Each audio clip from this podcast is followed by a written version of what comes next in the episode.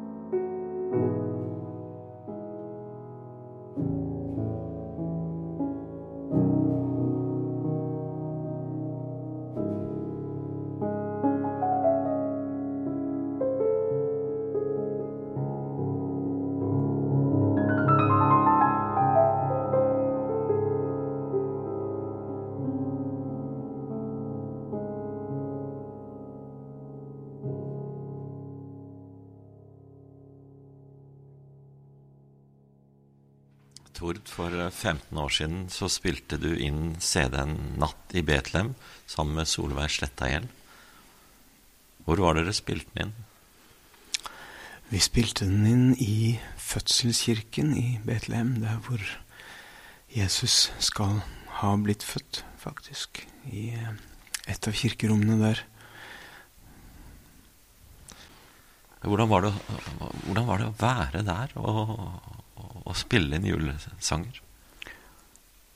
Vakkert og snodig og vondt og meningsfullt og alt mulig på en gang. Eh, kom både veldig tett på, på eh, sin egen historie med julebudskap og julesanger når, når, de skulle gjøres i en helt annen setting. Og man kom tett på konflikten, det politiske. Det er kulehull i veggene i fødselskirken fra israelske kamphelikoptre som skjøt inn der eh, noen tiår tidligere. Eh, og kirkehistorien. Det er, altså, det er et ortodokst kirkerom, et katolsk kirkerom, eh, og eh, ved siden av hverandre. Eh, eh, ja.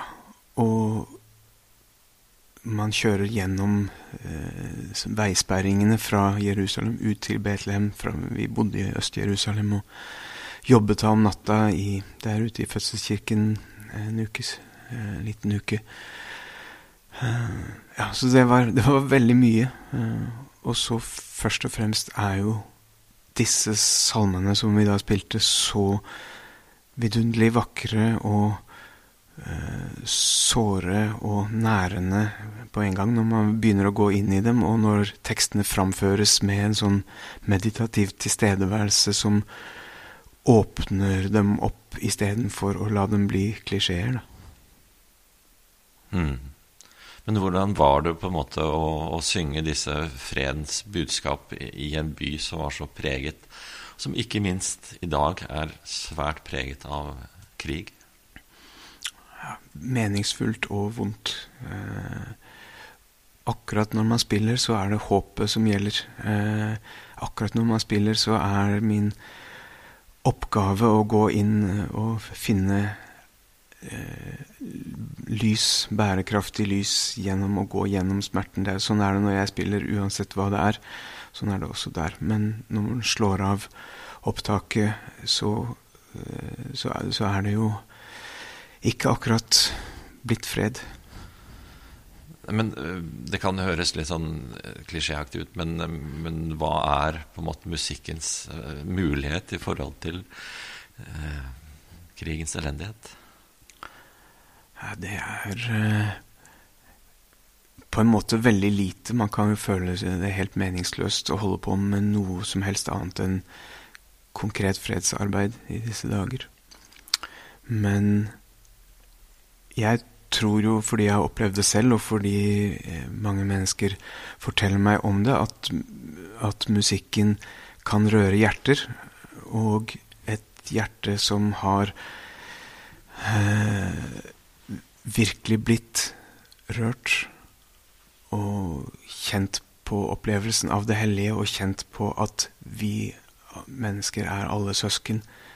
Eh, er kanskje litt mindre fare for at det går uh, ut og stemmer for uh, å sende en bombe etterpå, kanskje. Og i hvert fall gir man i hvert fall en klem til noen etterpå.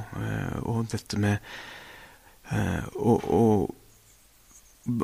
tro på kraften i det lille, og samtidig se om man også kan gjøre noe med de store strukturene. Det, det, begge deler må være der. Men du har, du, du har, vært med på denne juleplata, og dere har jo spilt eh, den eh, på konsert eh, sikkert hvert år siden den gang. Mm. Hva har det, det arbeidet med de julesangene gjort med ditt forhold til julesanger?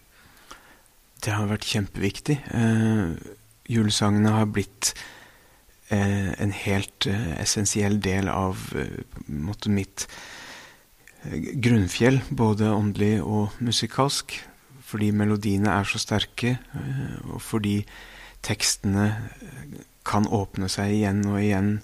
Eh, og, og, og være porter inn til, til meditasjonen og porter inn til å oppleve mysteriet. Og sånn som vi gjerne spiller dem ekstra sakte, og med, med Solveig sine insisteringer på hvert enkelt ord og på hver enkelt lille formulering. Eh, da blir på en måte hyggen og, og julefernisse bare en sånn sånn eh, liten pynt, og så, så, går du inn i det, og så, så er det en så meningsfull dybde. Hmm.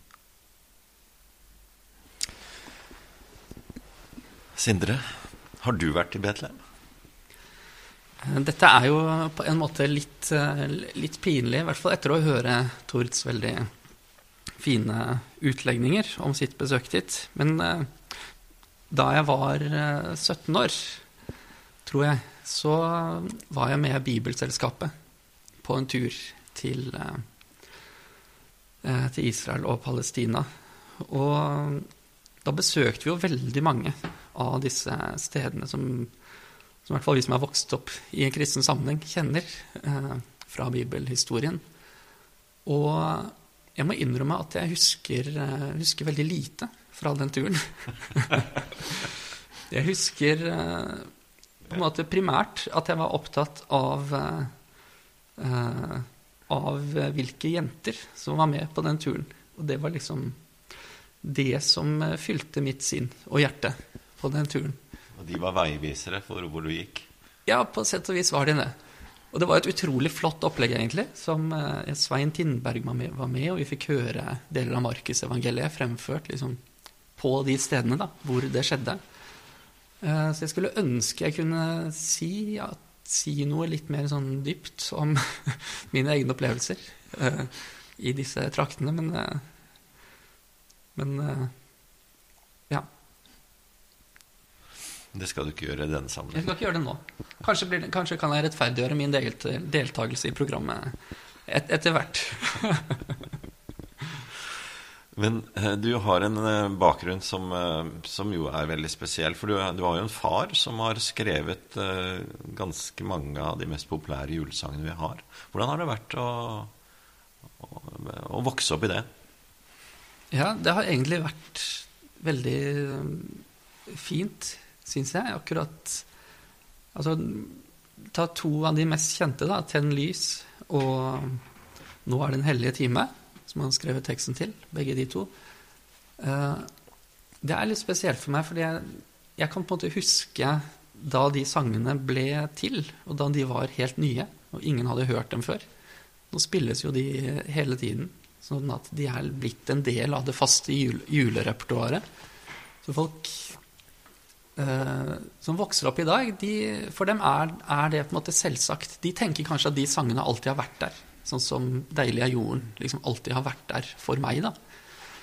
Men jeg kan huske f.eks. da 'Tenn lys' kom. Den var jo med i, i Portveien 2.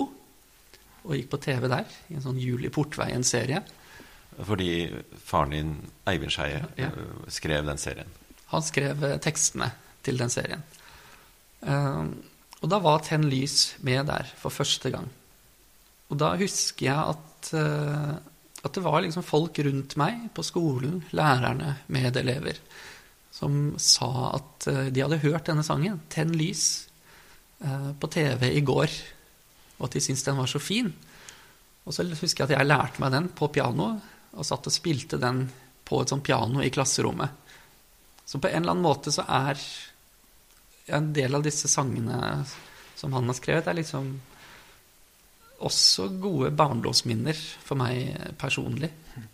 Som, eh, som, gjør at eh, det er veldig vanskelig Nå synger vi jo 'Tenn lys' hjemme hos meg hver søndag. Det er veldig vanskelig å ikke bli sånn berørt da, når vi synger den, både fordi teksten er veldig flott, og melodien til Sigvald Tveit også, men også fordi det minner meg om min egen barndom, da, og da den sangen var helt ny. Men eh, siden har du jo blitt en, en liten utgave av din far, da, i hvert fall sånn på hva du gjør for noe. Prest, teolog og salmedikter. Ja, det er uh, rart, uh, egentlig, det der. men, uh, men, det er bare en sånn en slags trang til å skrive og drive med dette kreative i liksom skjæringsfeltet mellom poesi og teologi som, eh, som, presser seg frem. Som jeg ikke opplever at jeg er blitt tvunget til eh, å drive med, men som, som, kommer av en slags indre driv fra meg selv også. Er det en kilde? Er det noe som kommer eh, litt av seg sjøl? Ja. Eh, av og til kjennes det som en kilde. Og da det, kan det kjennes som en slags velsignelse. At ja, nå er det noe nå, nå, at Av og til kan det være som en gave. At ja, nå er det noe som kommer, og det skriver jeg ned. Og det, det, ble ikke så verst, kan man av og til tenke. Mens andre ganger så er det jo en eh, ikke, mer, ikke, en kilde, men mer en slags trang eller tvang. At her, det er noe her som jeg aner, og som jeg må få satt ord på. Og så jobber man med det i lang tid. Og så blir det kanskje aldri helt så bra som man ønsker. Så det er en sånn tve, tveegget sak, egentlig. At av og til er det en kilde, og av og til er det mer en, en slags indre tvang. Men det kommer innenfra. Det gjør det. Utgangspunktet for oss eh, i denne samtalen eh, i dag, det er kanskje det som vi kan kalle julas mysterium. Hva tenker du et mysterium er for noe? Det høres på en måte ut som en krimhistorie. For meg er mysterium noe som er så stort at vi har vanskelig for å gripe det med ord. Vi har vanskelig for å sette ord på hva det er. Men det er noe som vi kan føle og fornemme og ane at er virkelig og sant. Men eh, når vi prøver å gripe det med våre begreper og, eh, og, med vår forstand, så lykkes vi aldri helt. Men det er en sannhet der som, som er viktig, som er vesentlig. Og det er kanskje den vi, vi prøver liksom å eh, sirkle inn da, på mange ulike måter og fra mange ulike innfallsvinkler. Kanskje gjennom musikk eller gjennom ord. Eh, vi griper aldri helt. Men vi får stadig nye bilder og nye måter å se det på og snakke om det på. Og kanskje spille det på. Ja, Tord, eh, julens mysterium, hva, hva tenker du det består i? Eller av? Det er først og fremst inkarnasjonen, som det heter. Det at Gud fødes i verden og fødes i meg og i oss. Og at alle all separasjon, all skille mellom det hellige og det kroppslige er borte. Og hvor sterkt det faktisk er når man tenker over det. Og at det å slippe Jesus inn og slippe Jesus til i hjertet enda så gammelmodig det kan høres ut, det, det, det, er det det dreier seg om. Da. Og det, det, er så velsignet. Det gjør så godt. Og det er julens mysterium for meg. Ja. Du sa altså at det, hellige og det kroppslige blir det samme? Ja, eller i hvert fall skille mellom det. Tenk at det ene er mer verdt enn det andre, f.eks. Det sprenges. Mm. Mm. Hvordan oppleves det at, at, Jesus tar bolig i ens hjerte, da? Det er jo like individuelt som det finnes mennesker. Men uh, Jeg opplever det fysisk som, som varm energi. Uh, I de forskjellige energisentrene chakraene, eller hva man kaller det. Og ikke minst i hjertet. I bønn og meditasjon. Og så er det jo i hver, hver enkelt kjærlighetshandling, i hver enkelt klem, hver enkelt smil, hver enkelt eh, interaksjon med et barn. Eh, hver gang vi åpner oss istedenfor å lukke oss inne i skepsis. Hmm. Ja, for da er du inne på det. Hva er det som kan skygge for dette, dette Jesusbarnet som har blitt født i vårt hjerte? Da? Ja, ja det, det, er jo ikke vanskelig å lukke. Det, ofte er det jo det som kommer av seg selv. Dårlige erfaringer, traumer, ego, eh, misplasserte ambisjoner ja. Mm. Det, er ikke, det er ikke måte på hva som kan stenge. Vi, vi, vi startet jo med at du, eh, at du spilte 'Her kommer dine arme små'. Og det er jo en, eh, ja, det er jo en tekst som har blitt på en måte maltraktert uh, veldig mye i mange barnesinn. Mm. Men jeg tror vi skal la det ligge akkurat nå. Uh, hva opplever du med den sangen? Jeg opplever at det er en sang om å komme, om å forsøke å stille seg åpen. Uh, gå til det stedet, den fysiske eller i sinnet, hvor mm, møtet kan skje, og hvor vi har lyst til å åpne oss. Uh, ja, det er først og fremst det. Og dette med arme små, det, det kan jo trykke, trykke en stakkar ned hvis uh, forkynnelsen om, om, det går feil. Men, men uh, Nei, det er, det er først og fremst å komme med hele seg, og ikke prøve å skjule noe. Ikke late som. Å og gå til Jesus og gå til det møtet. Som dem vi er? Ja. Uansett status? Mm. Sindre, hva tenker du med ordet arme? Uh, det tenker jeg på en måte er nesten kjerneordet for meg i denne salmen arm eller, eller, fattig, da, som vi kanskje sier nå. Det ordet ble jo tatt bort i den forrige salmebokutgaven. Der heter jo 'Her kommer Jesus, dine små'. Eh, nå er det tatt inn igjen i det nye. Og jeg har eh, lest av denne salmen muligens ble skrevet av, av Brorson, som har skrevet teksten, eh, som en, en, sang som en kunne synge i hjemmet rundt julekrybben. For julekrybben var visst en, en relativt vanlig tradisjon også den gangen. Eh, og da syns jeg det er noe sånn utrolig fint ved det bildet, da. At alle i familien eh, Altså en far som jo har en stor autoritet, i hvert fall på hans tid, han er jo også prest og embetsmann, står sammen med sine barn eh, av ulik karakter. Kona er sikkert der. Og uansett liksom, hva slags posisjon de har innad i denne familien, så kan de alle på en måte identifisere seg som de arme små. Så det blir en slags utjevning, eller utligning av forskjeller, eh, idet en synger dette. Idet vi går til stallen for å møte barnet, så er alle sammen arme små. Fordi den rikdommen som vi møter her, den er så stor at den den måtte gjøre at alle forskjeller i rikdom mellom oss eh, forsvinner i møte med dette, dette barnet. Du, du, sa til meg at, uh, at du fikk litt sånn uh, connection til profeten Jesaja knyttet til uh, denne, denne salmen der hvor han møter Gud inne i tempelet. Ja, det er, det er en assosiasjon som, som, jeg får. Det er sikkert ikke alle som får den.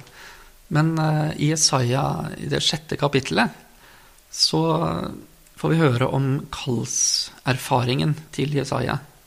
Når han blir kallet til å være Guds profet. Da har han jo en sånn utrolig mektig visjon, hvor han får se fliken av Guds kappe. Og da er Gud så stor at bare fliken av kappen hans fyller tempelet. Og den røsten som Jesaja hører da, den er så mektig at den får dørbolten i huset til å riste og dundre. Og det er et syn som fyller Jesaja med, med ærefrykt. Og han kjenner da at dette nærværet, dette gudsnærværet, det er så stort og så mektig, og kanskje også så fremmed og ufattelig, at han kjenner at han selv er uverdig i møte med det. Han kan på en måte ikke tåle det, å være i det nærværet.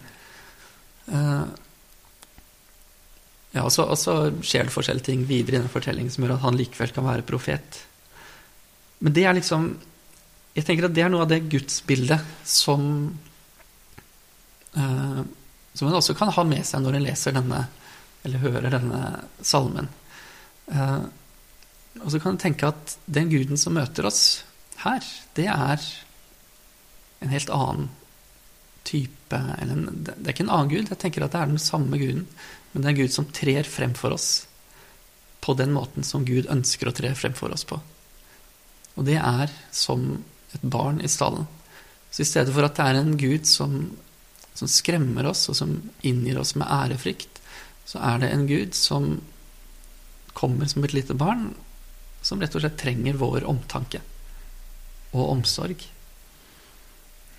Og den spenningen i det gudsbildet, det syns jeg er uh, Den, den, den syns jeg er interessant som teolog.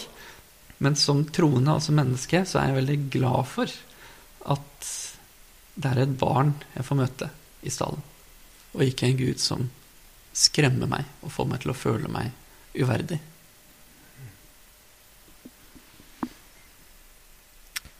Vi skal eh, videre til en salme som eh, også er høyt elsket.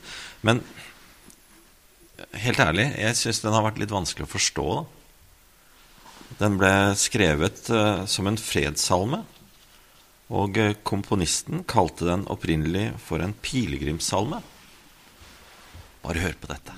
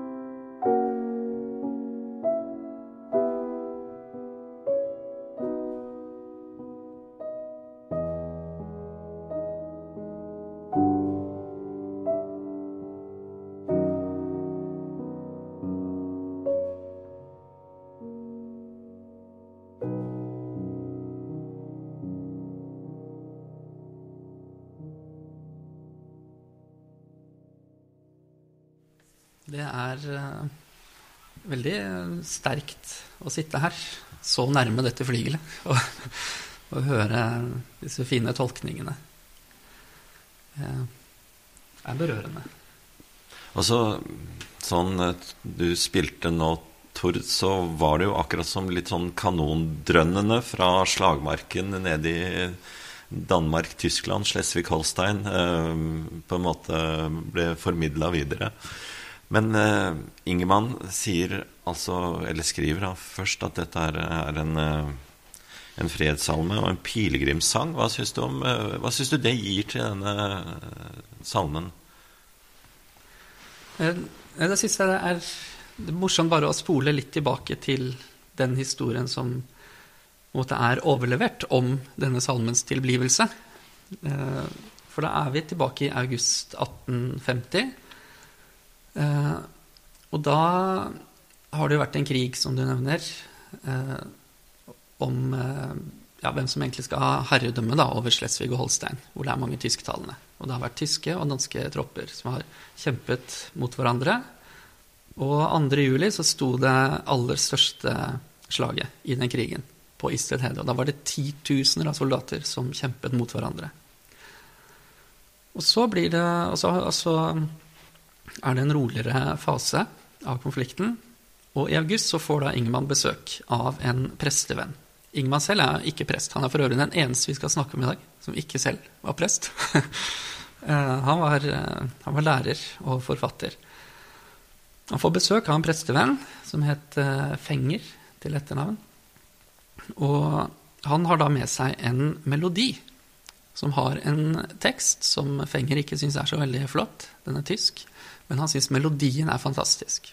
Og da er det en merknad som følger med den melodien, nemlig at den da skal ha vært en korsfarersang fra det tolvte århundre.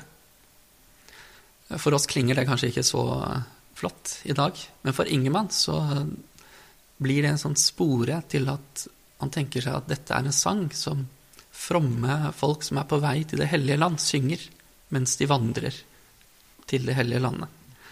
Eh, så når presten Fenger, som da skal ha hatt en fantastisk sangstemme, synger denne sangen hjemme i stua til Ingemann, så lukker Ingemann øynene, og så tenker han seg at dette er en pilegrimssalme. Og så sier han at ja, jeg skal skrive en dansk tekst til denne. Og den blir ferdig bare i løpet av noen få dager. Og da har den altså tittelen pilegrimssalme. Eller pilegrimssang, det husker jeg ikke helt. Men i hvert fall pilgr, la oss si pilegrimssalme. Og det tenker jeg er noe av kanskje nøkkelen for å forstå denne salmen.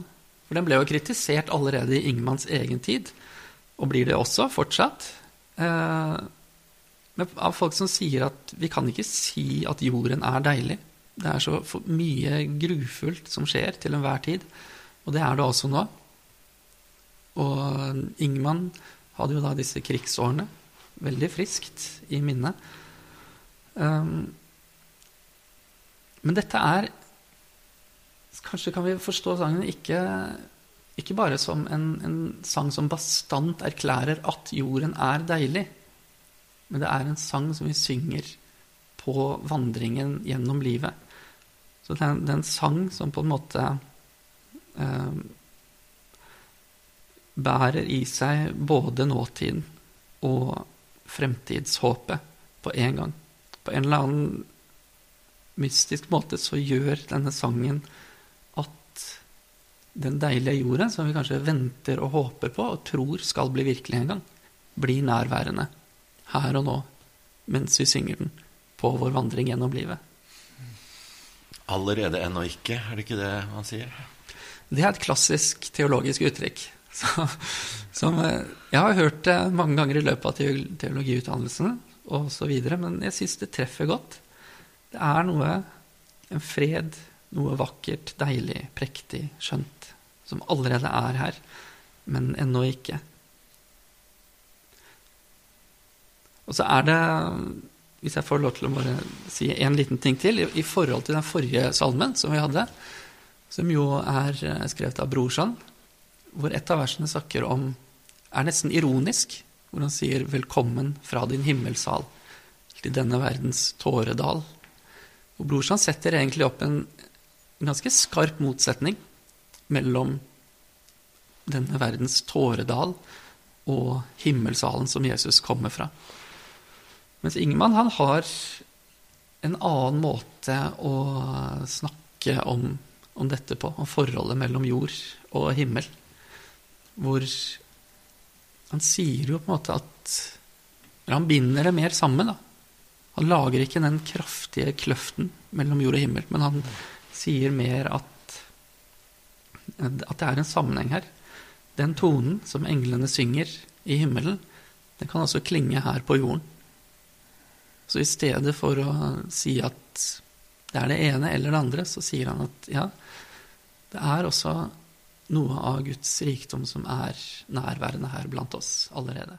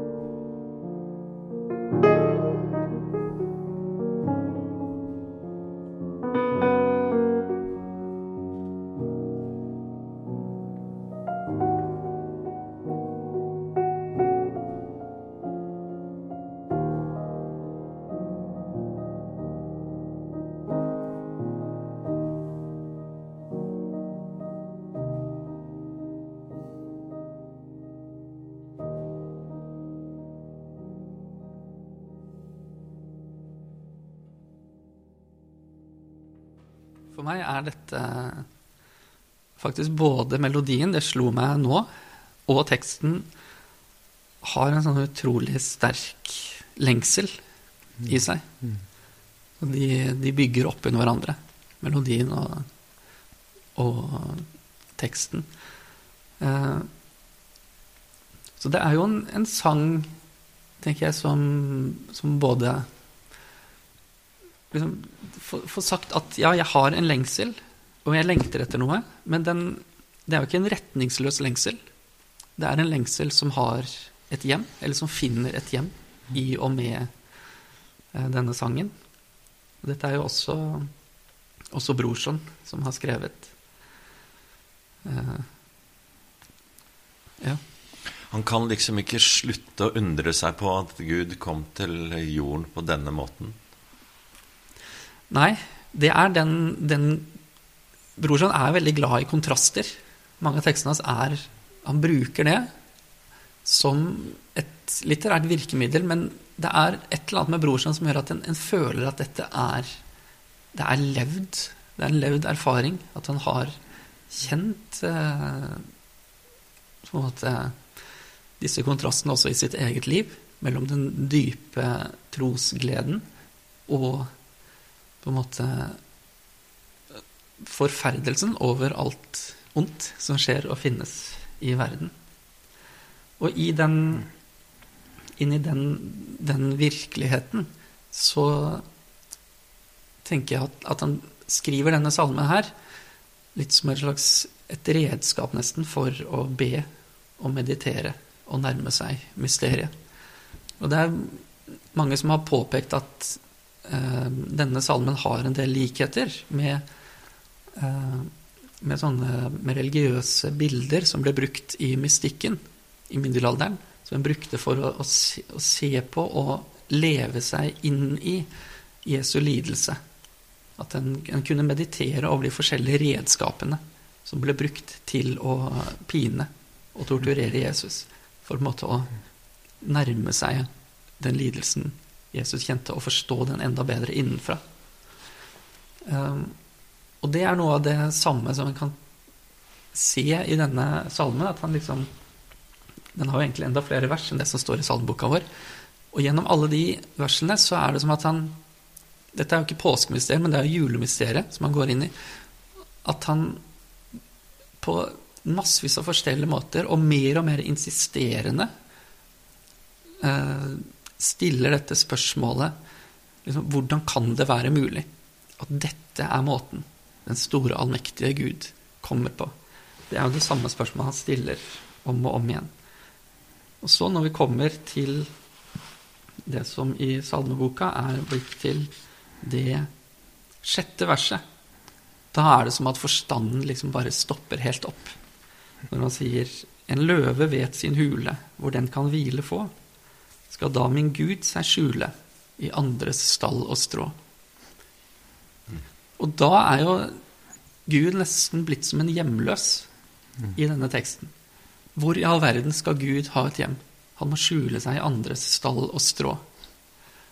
Og så kommer da det neste verset, hvor han sier Akk, kom, jeg opp vil lukke mitt hjerte og mitt sinn. Og full av lengselssukke kom Jesus dog her inn. Og da møtes jo på en måte min lengsel som menneske og Guds hjemløshet på et vis. På et Ja, her føler jeg vi er i nærheten av mysteriet, da. At det er i, i hjertet mitt. Der kan Jesus finne et hjem som er hans eget. Ja.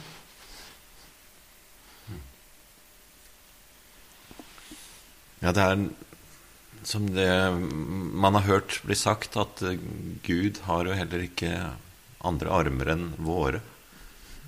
Han, eh, han har bare oss, på en måte. Ja. Det er eh, Og det er, litt, eh, det er litt morsomt at du trekker frem det akkurat her, fordi vi er jo nå i Tanum kirke. Og på veien opp til prekestolen, som jeg prøvde å gå opp på i sted, der henger det en Kristusfigur uten armer. Så vi er på en måte på, på et sted hvor det er allerede et, et, bilde som viser noe av det. At uh, ja, at Kristus hvis, hvis, det er slik at Kristus blir født i hjertet, eh, så, så, så, er vi også hans redskap på jorden på en eller annen måte. Og mer enn noe annet så ønsker Gud på en måte å være med oss og i oss. Ja, jeg tenker litt på det at uh, um, Av og til så altså Brorson han, han, blir jo sett på som en, uh, en, en dikter som, som, tilhørte pietismen. Og, og, av og til så har hans salmer blitt kritisert for at de er for innadvendte. De peker ikke nok utover. De skulle liksom ha ansporet oss til uh, å virke for fred og rettferdighet ute i verden. Um, men jeg skal også huske på at uh, pietismen hadde også et veldig sterkt samfunnsengasjement. Det var et stort livsalvor og en, en ansvarlighet overfor verden også. Men, men det brorsen er opptatt av i salmene, det er jo uh, det, er, det er alvorsfylt, men det som jeg egentlig tenker at disse salmene hans handler om, det er, det er gleden. Det er, det er Jesus-gleden. Gleden over å få møte, møte Jesus. Og det, er, og det, at han våger å fokusere på det, eh, tenker jeg er at han, at han holder litt igjen. da. Han tvinger oss ikke ut i verden. Men kanskje frem av den gleden så kan det vokse et ønske om å gjøre noe godt for andre. Men han tvinger oss ikke ut. Vi får være der ved mysteriet, og kanskje forandrer det hjertene våre. Litt sånn som Tord snakket om i begynnelsen.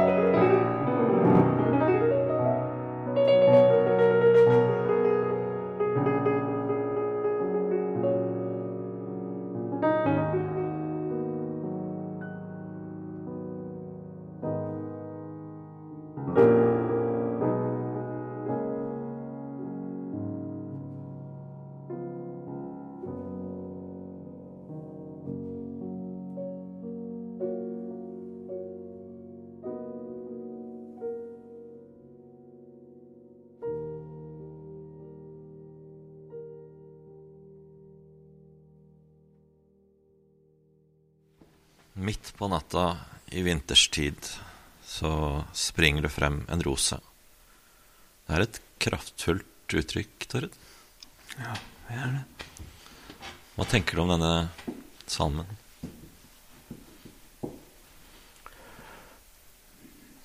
Det er en av de sterkeste melodiene, og det er, eh, det er så sterkt bilde, akkurat det. Men at rosen sprenger seg fram. Eh, det er mest det jeg tenker på. Å nesten kjenne fysisk den der eh, det, det spirende. Den kommer på en måte Jeg kan, kan nesten kjenne det i kroppen. Det, det, spirer et eller annet. Det må av og til trenge seg fram. Eh, det må sprenge vei.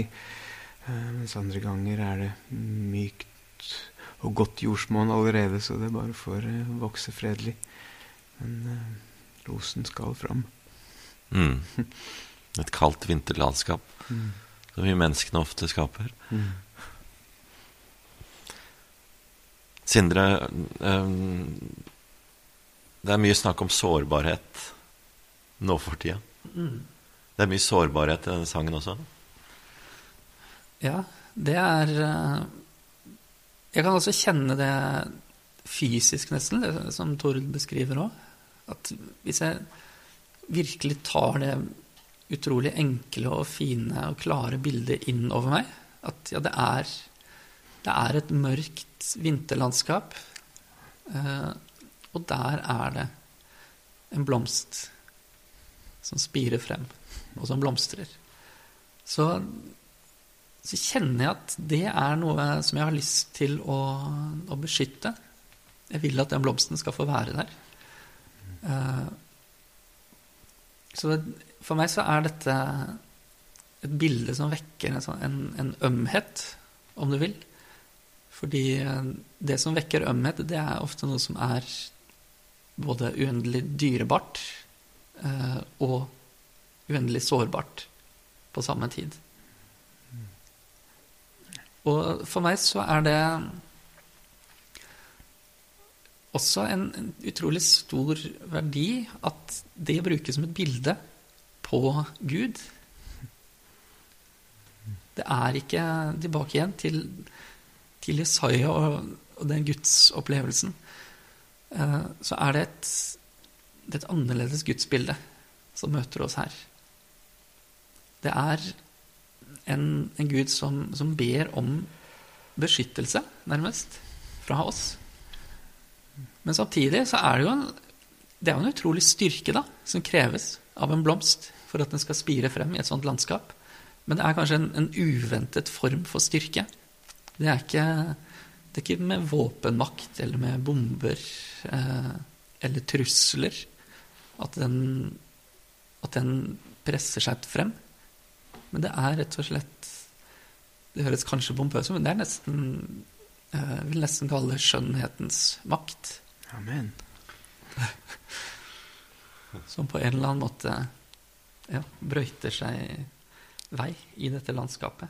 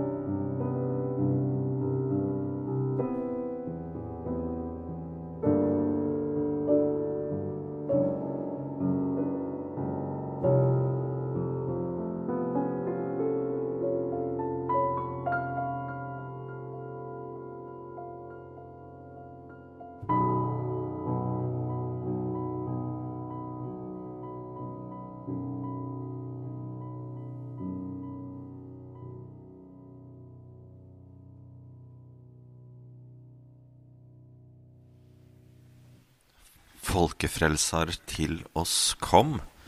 En, eh, den eldste salmen eh, vi kjenner omtrent, fra 300-tallet. Og eh, her lyder det sånn Livsens ord fra himmerik, vært i kjøt og blod oss lik. Dette var det ikke alle som var enige om på den tida, Sindre. Nei, her skal vi tilbake til en av de store kirkestridene. Eh, nemlig striden mellom eh, de som ble kalt arianere, etter eh, Arius, som, som måtte sto på den ene siden, og de som var imot ham, andre Ambrosius, som har skrevet denne salmen. Og Det var en lærestrid som kan virke veldig fremmed for oss nå.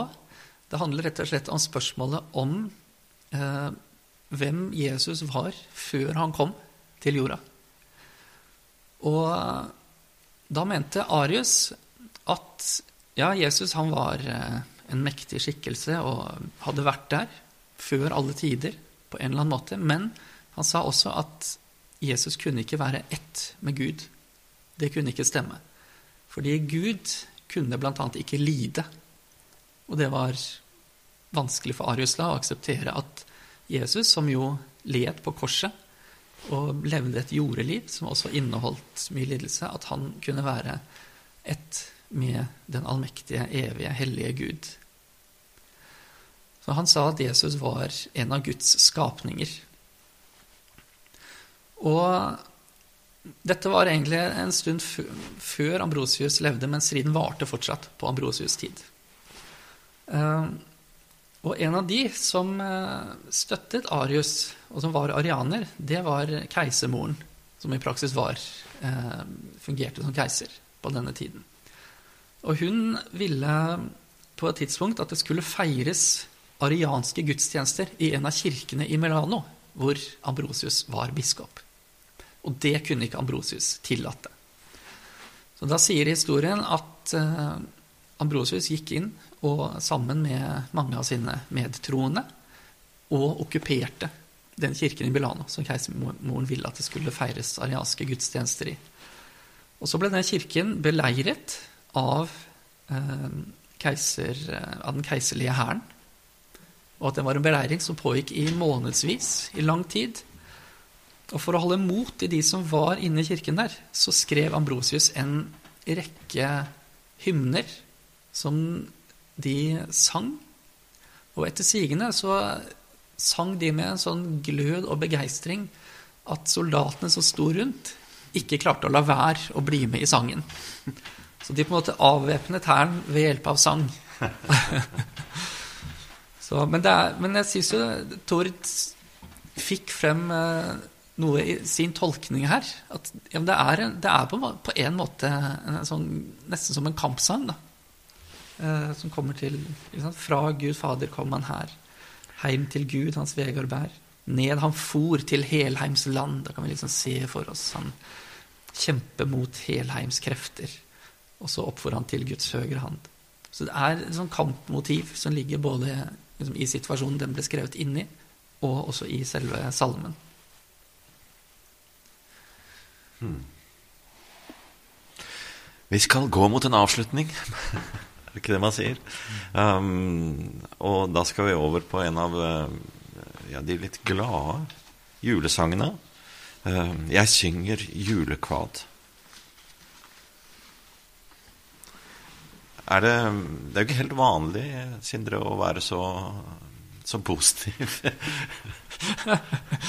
Nei, uh, det, er, det, er, kanskje ikke det.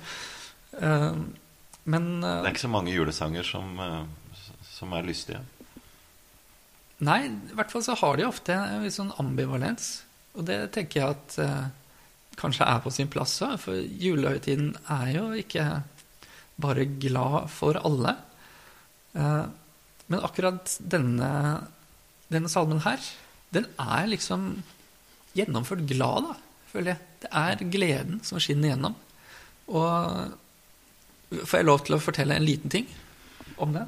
En liten historie. Ja, en liten historie. For den, eh, Det første verset det skal jo da ha blitt eh, skrevet av en som het Henrik Suso, som var en dominikanermunk eh, som levde i middelalderen. Og han eh, han var, Fra han var 18 til han var 40, så var han eh, så, så, drev han med ekstreme former for askese, som rett og slett gled over i selvpining. Så han, han hadde bl.a. brent inn monogrammet for Jesus Kristus inn på sitt eget bryst, IHS. Det hadde han gjort selv med glødende jern. Han eh, bar jernkjetting på kroppen, og han pisket seg til blods eh, og gned sårene inn med eddik og salt.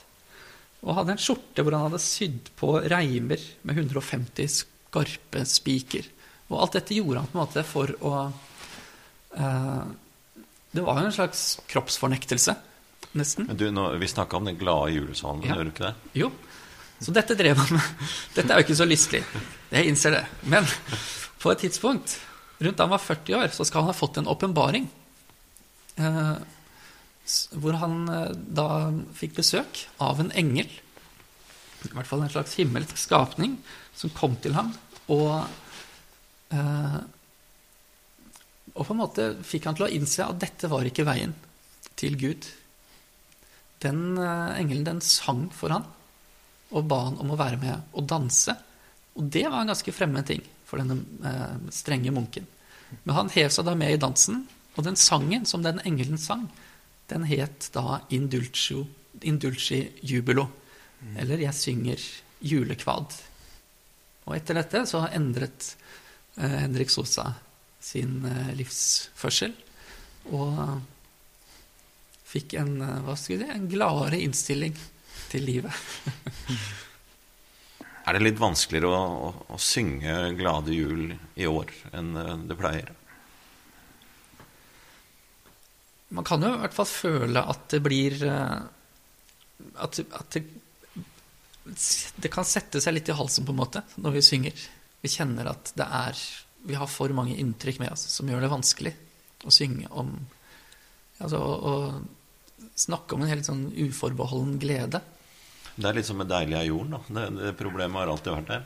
Ja, det har alltid vært der. Uh, men uh, en sånn liten historie fra, fra i går så, så satt jeg og så på en sånn eh, Instagram-konto som jeg pleier å følge litt med på for tiden. Og den heter Gaza Journalists Voices. Så det er journalister i Gaza som videreformidler videoer som ikke bare de selv, men også andre har tatt for å fortelle om det som skjer der.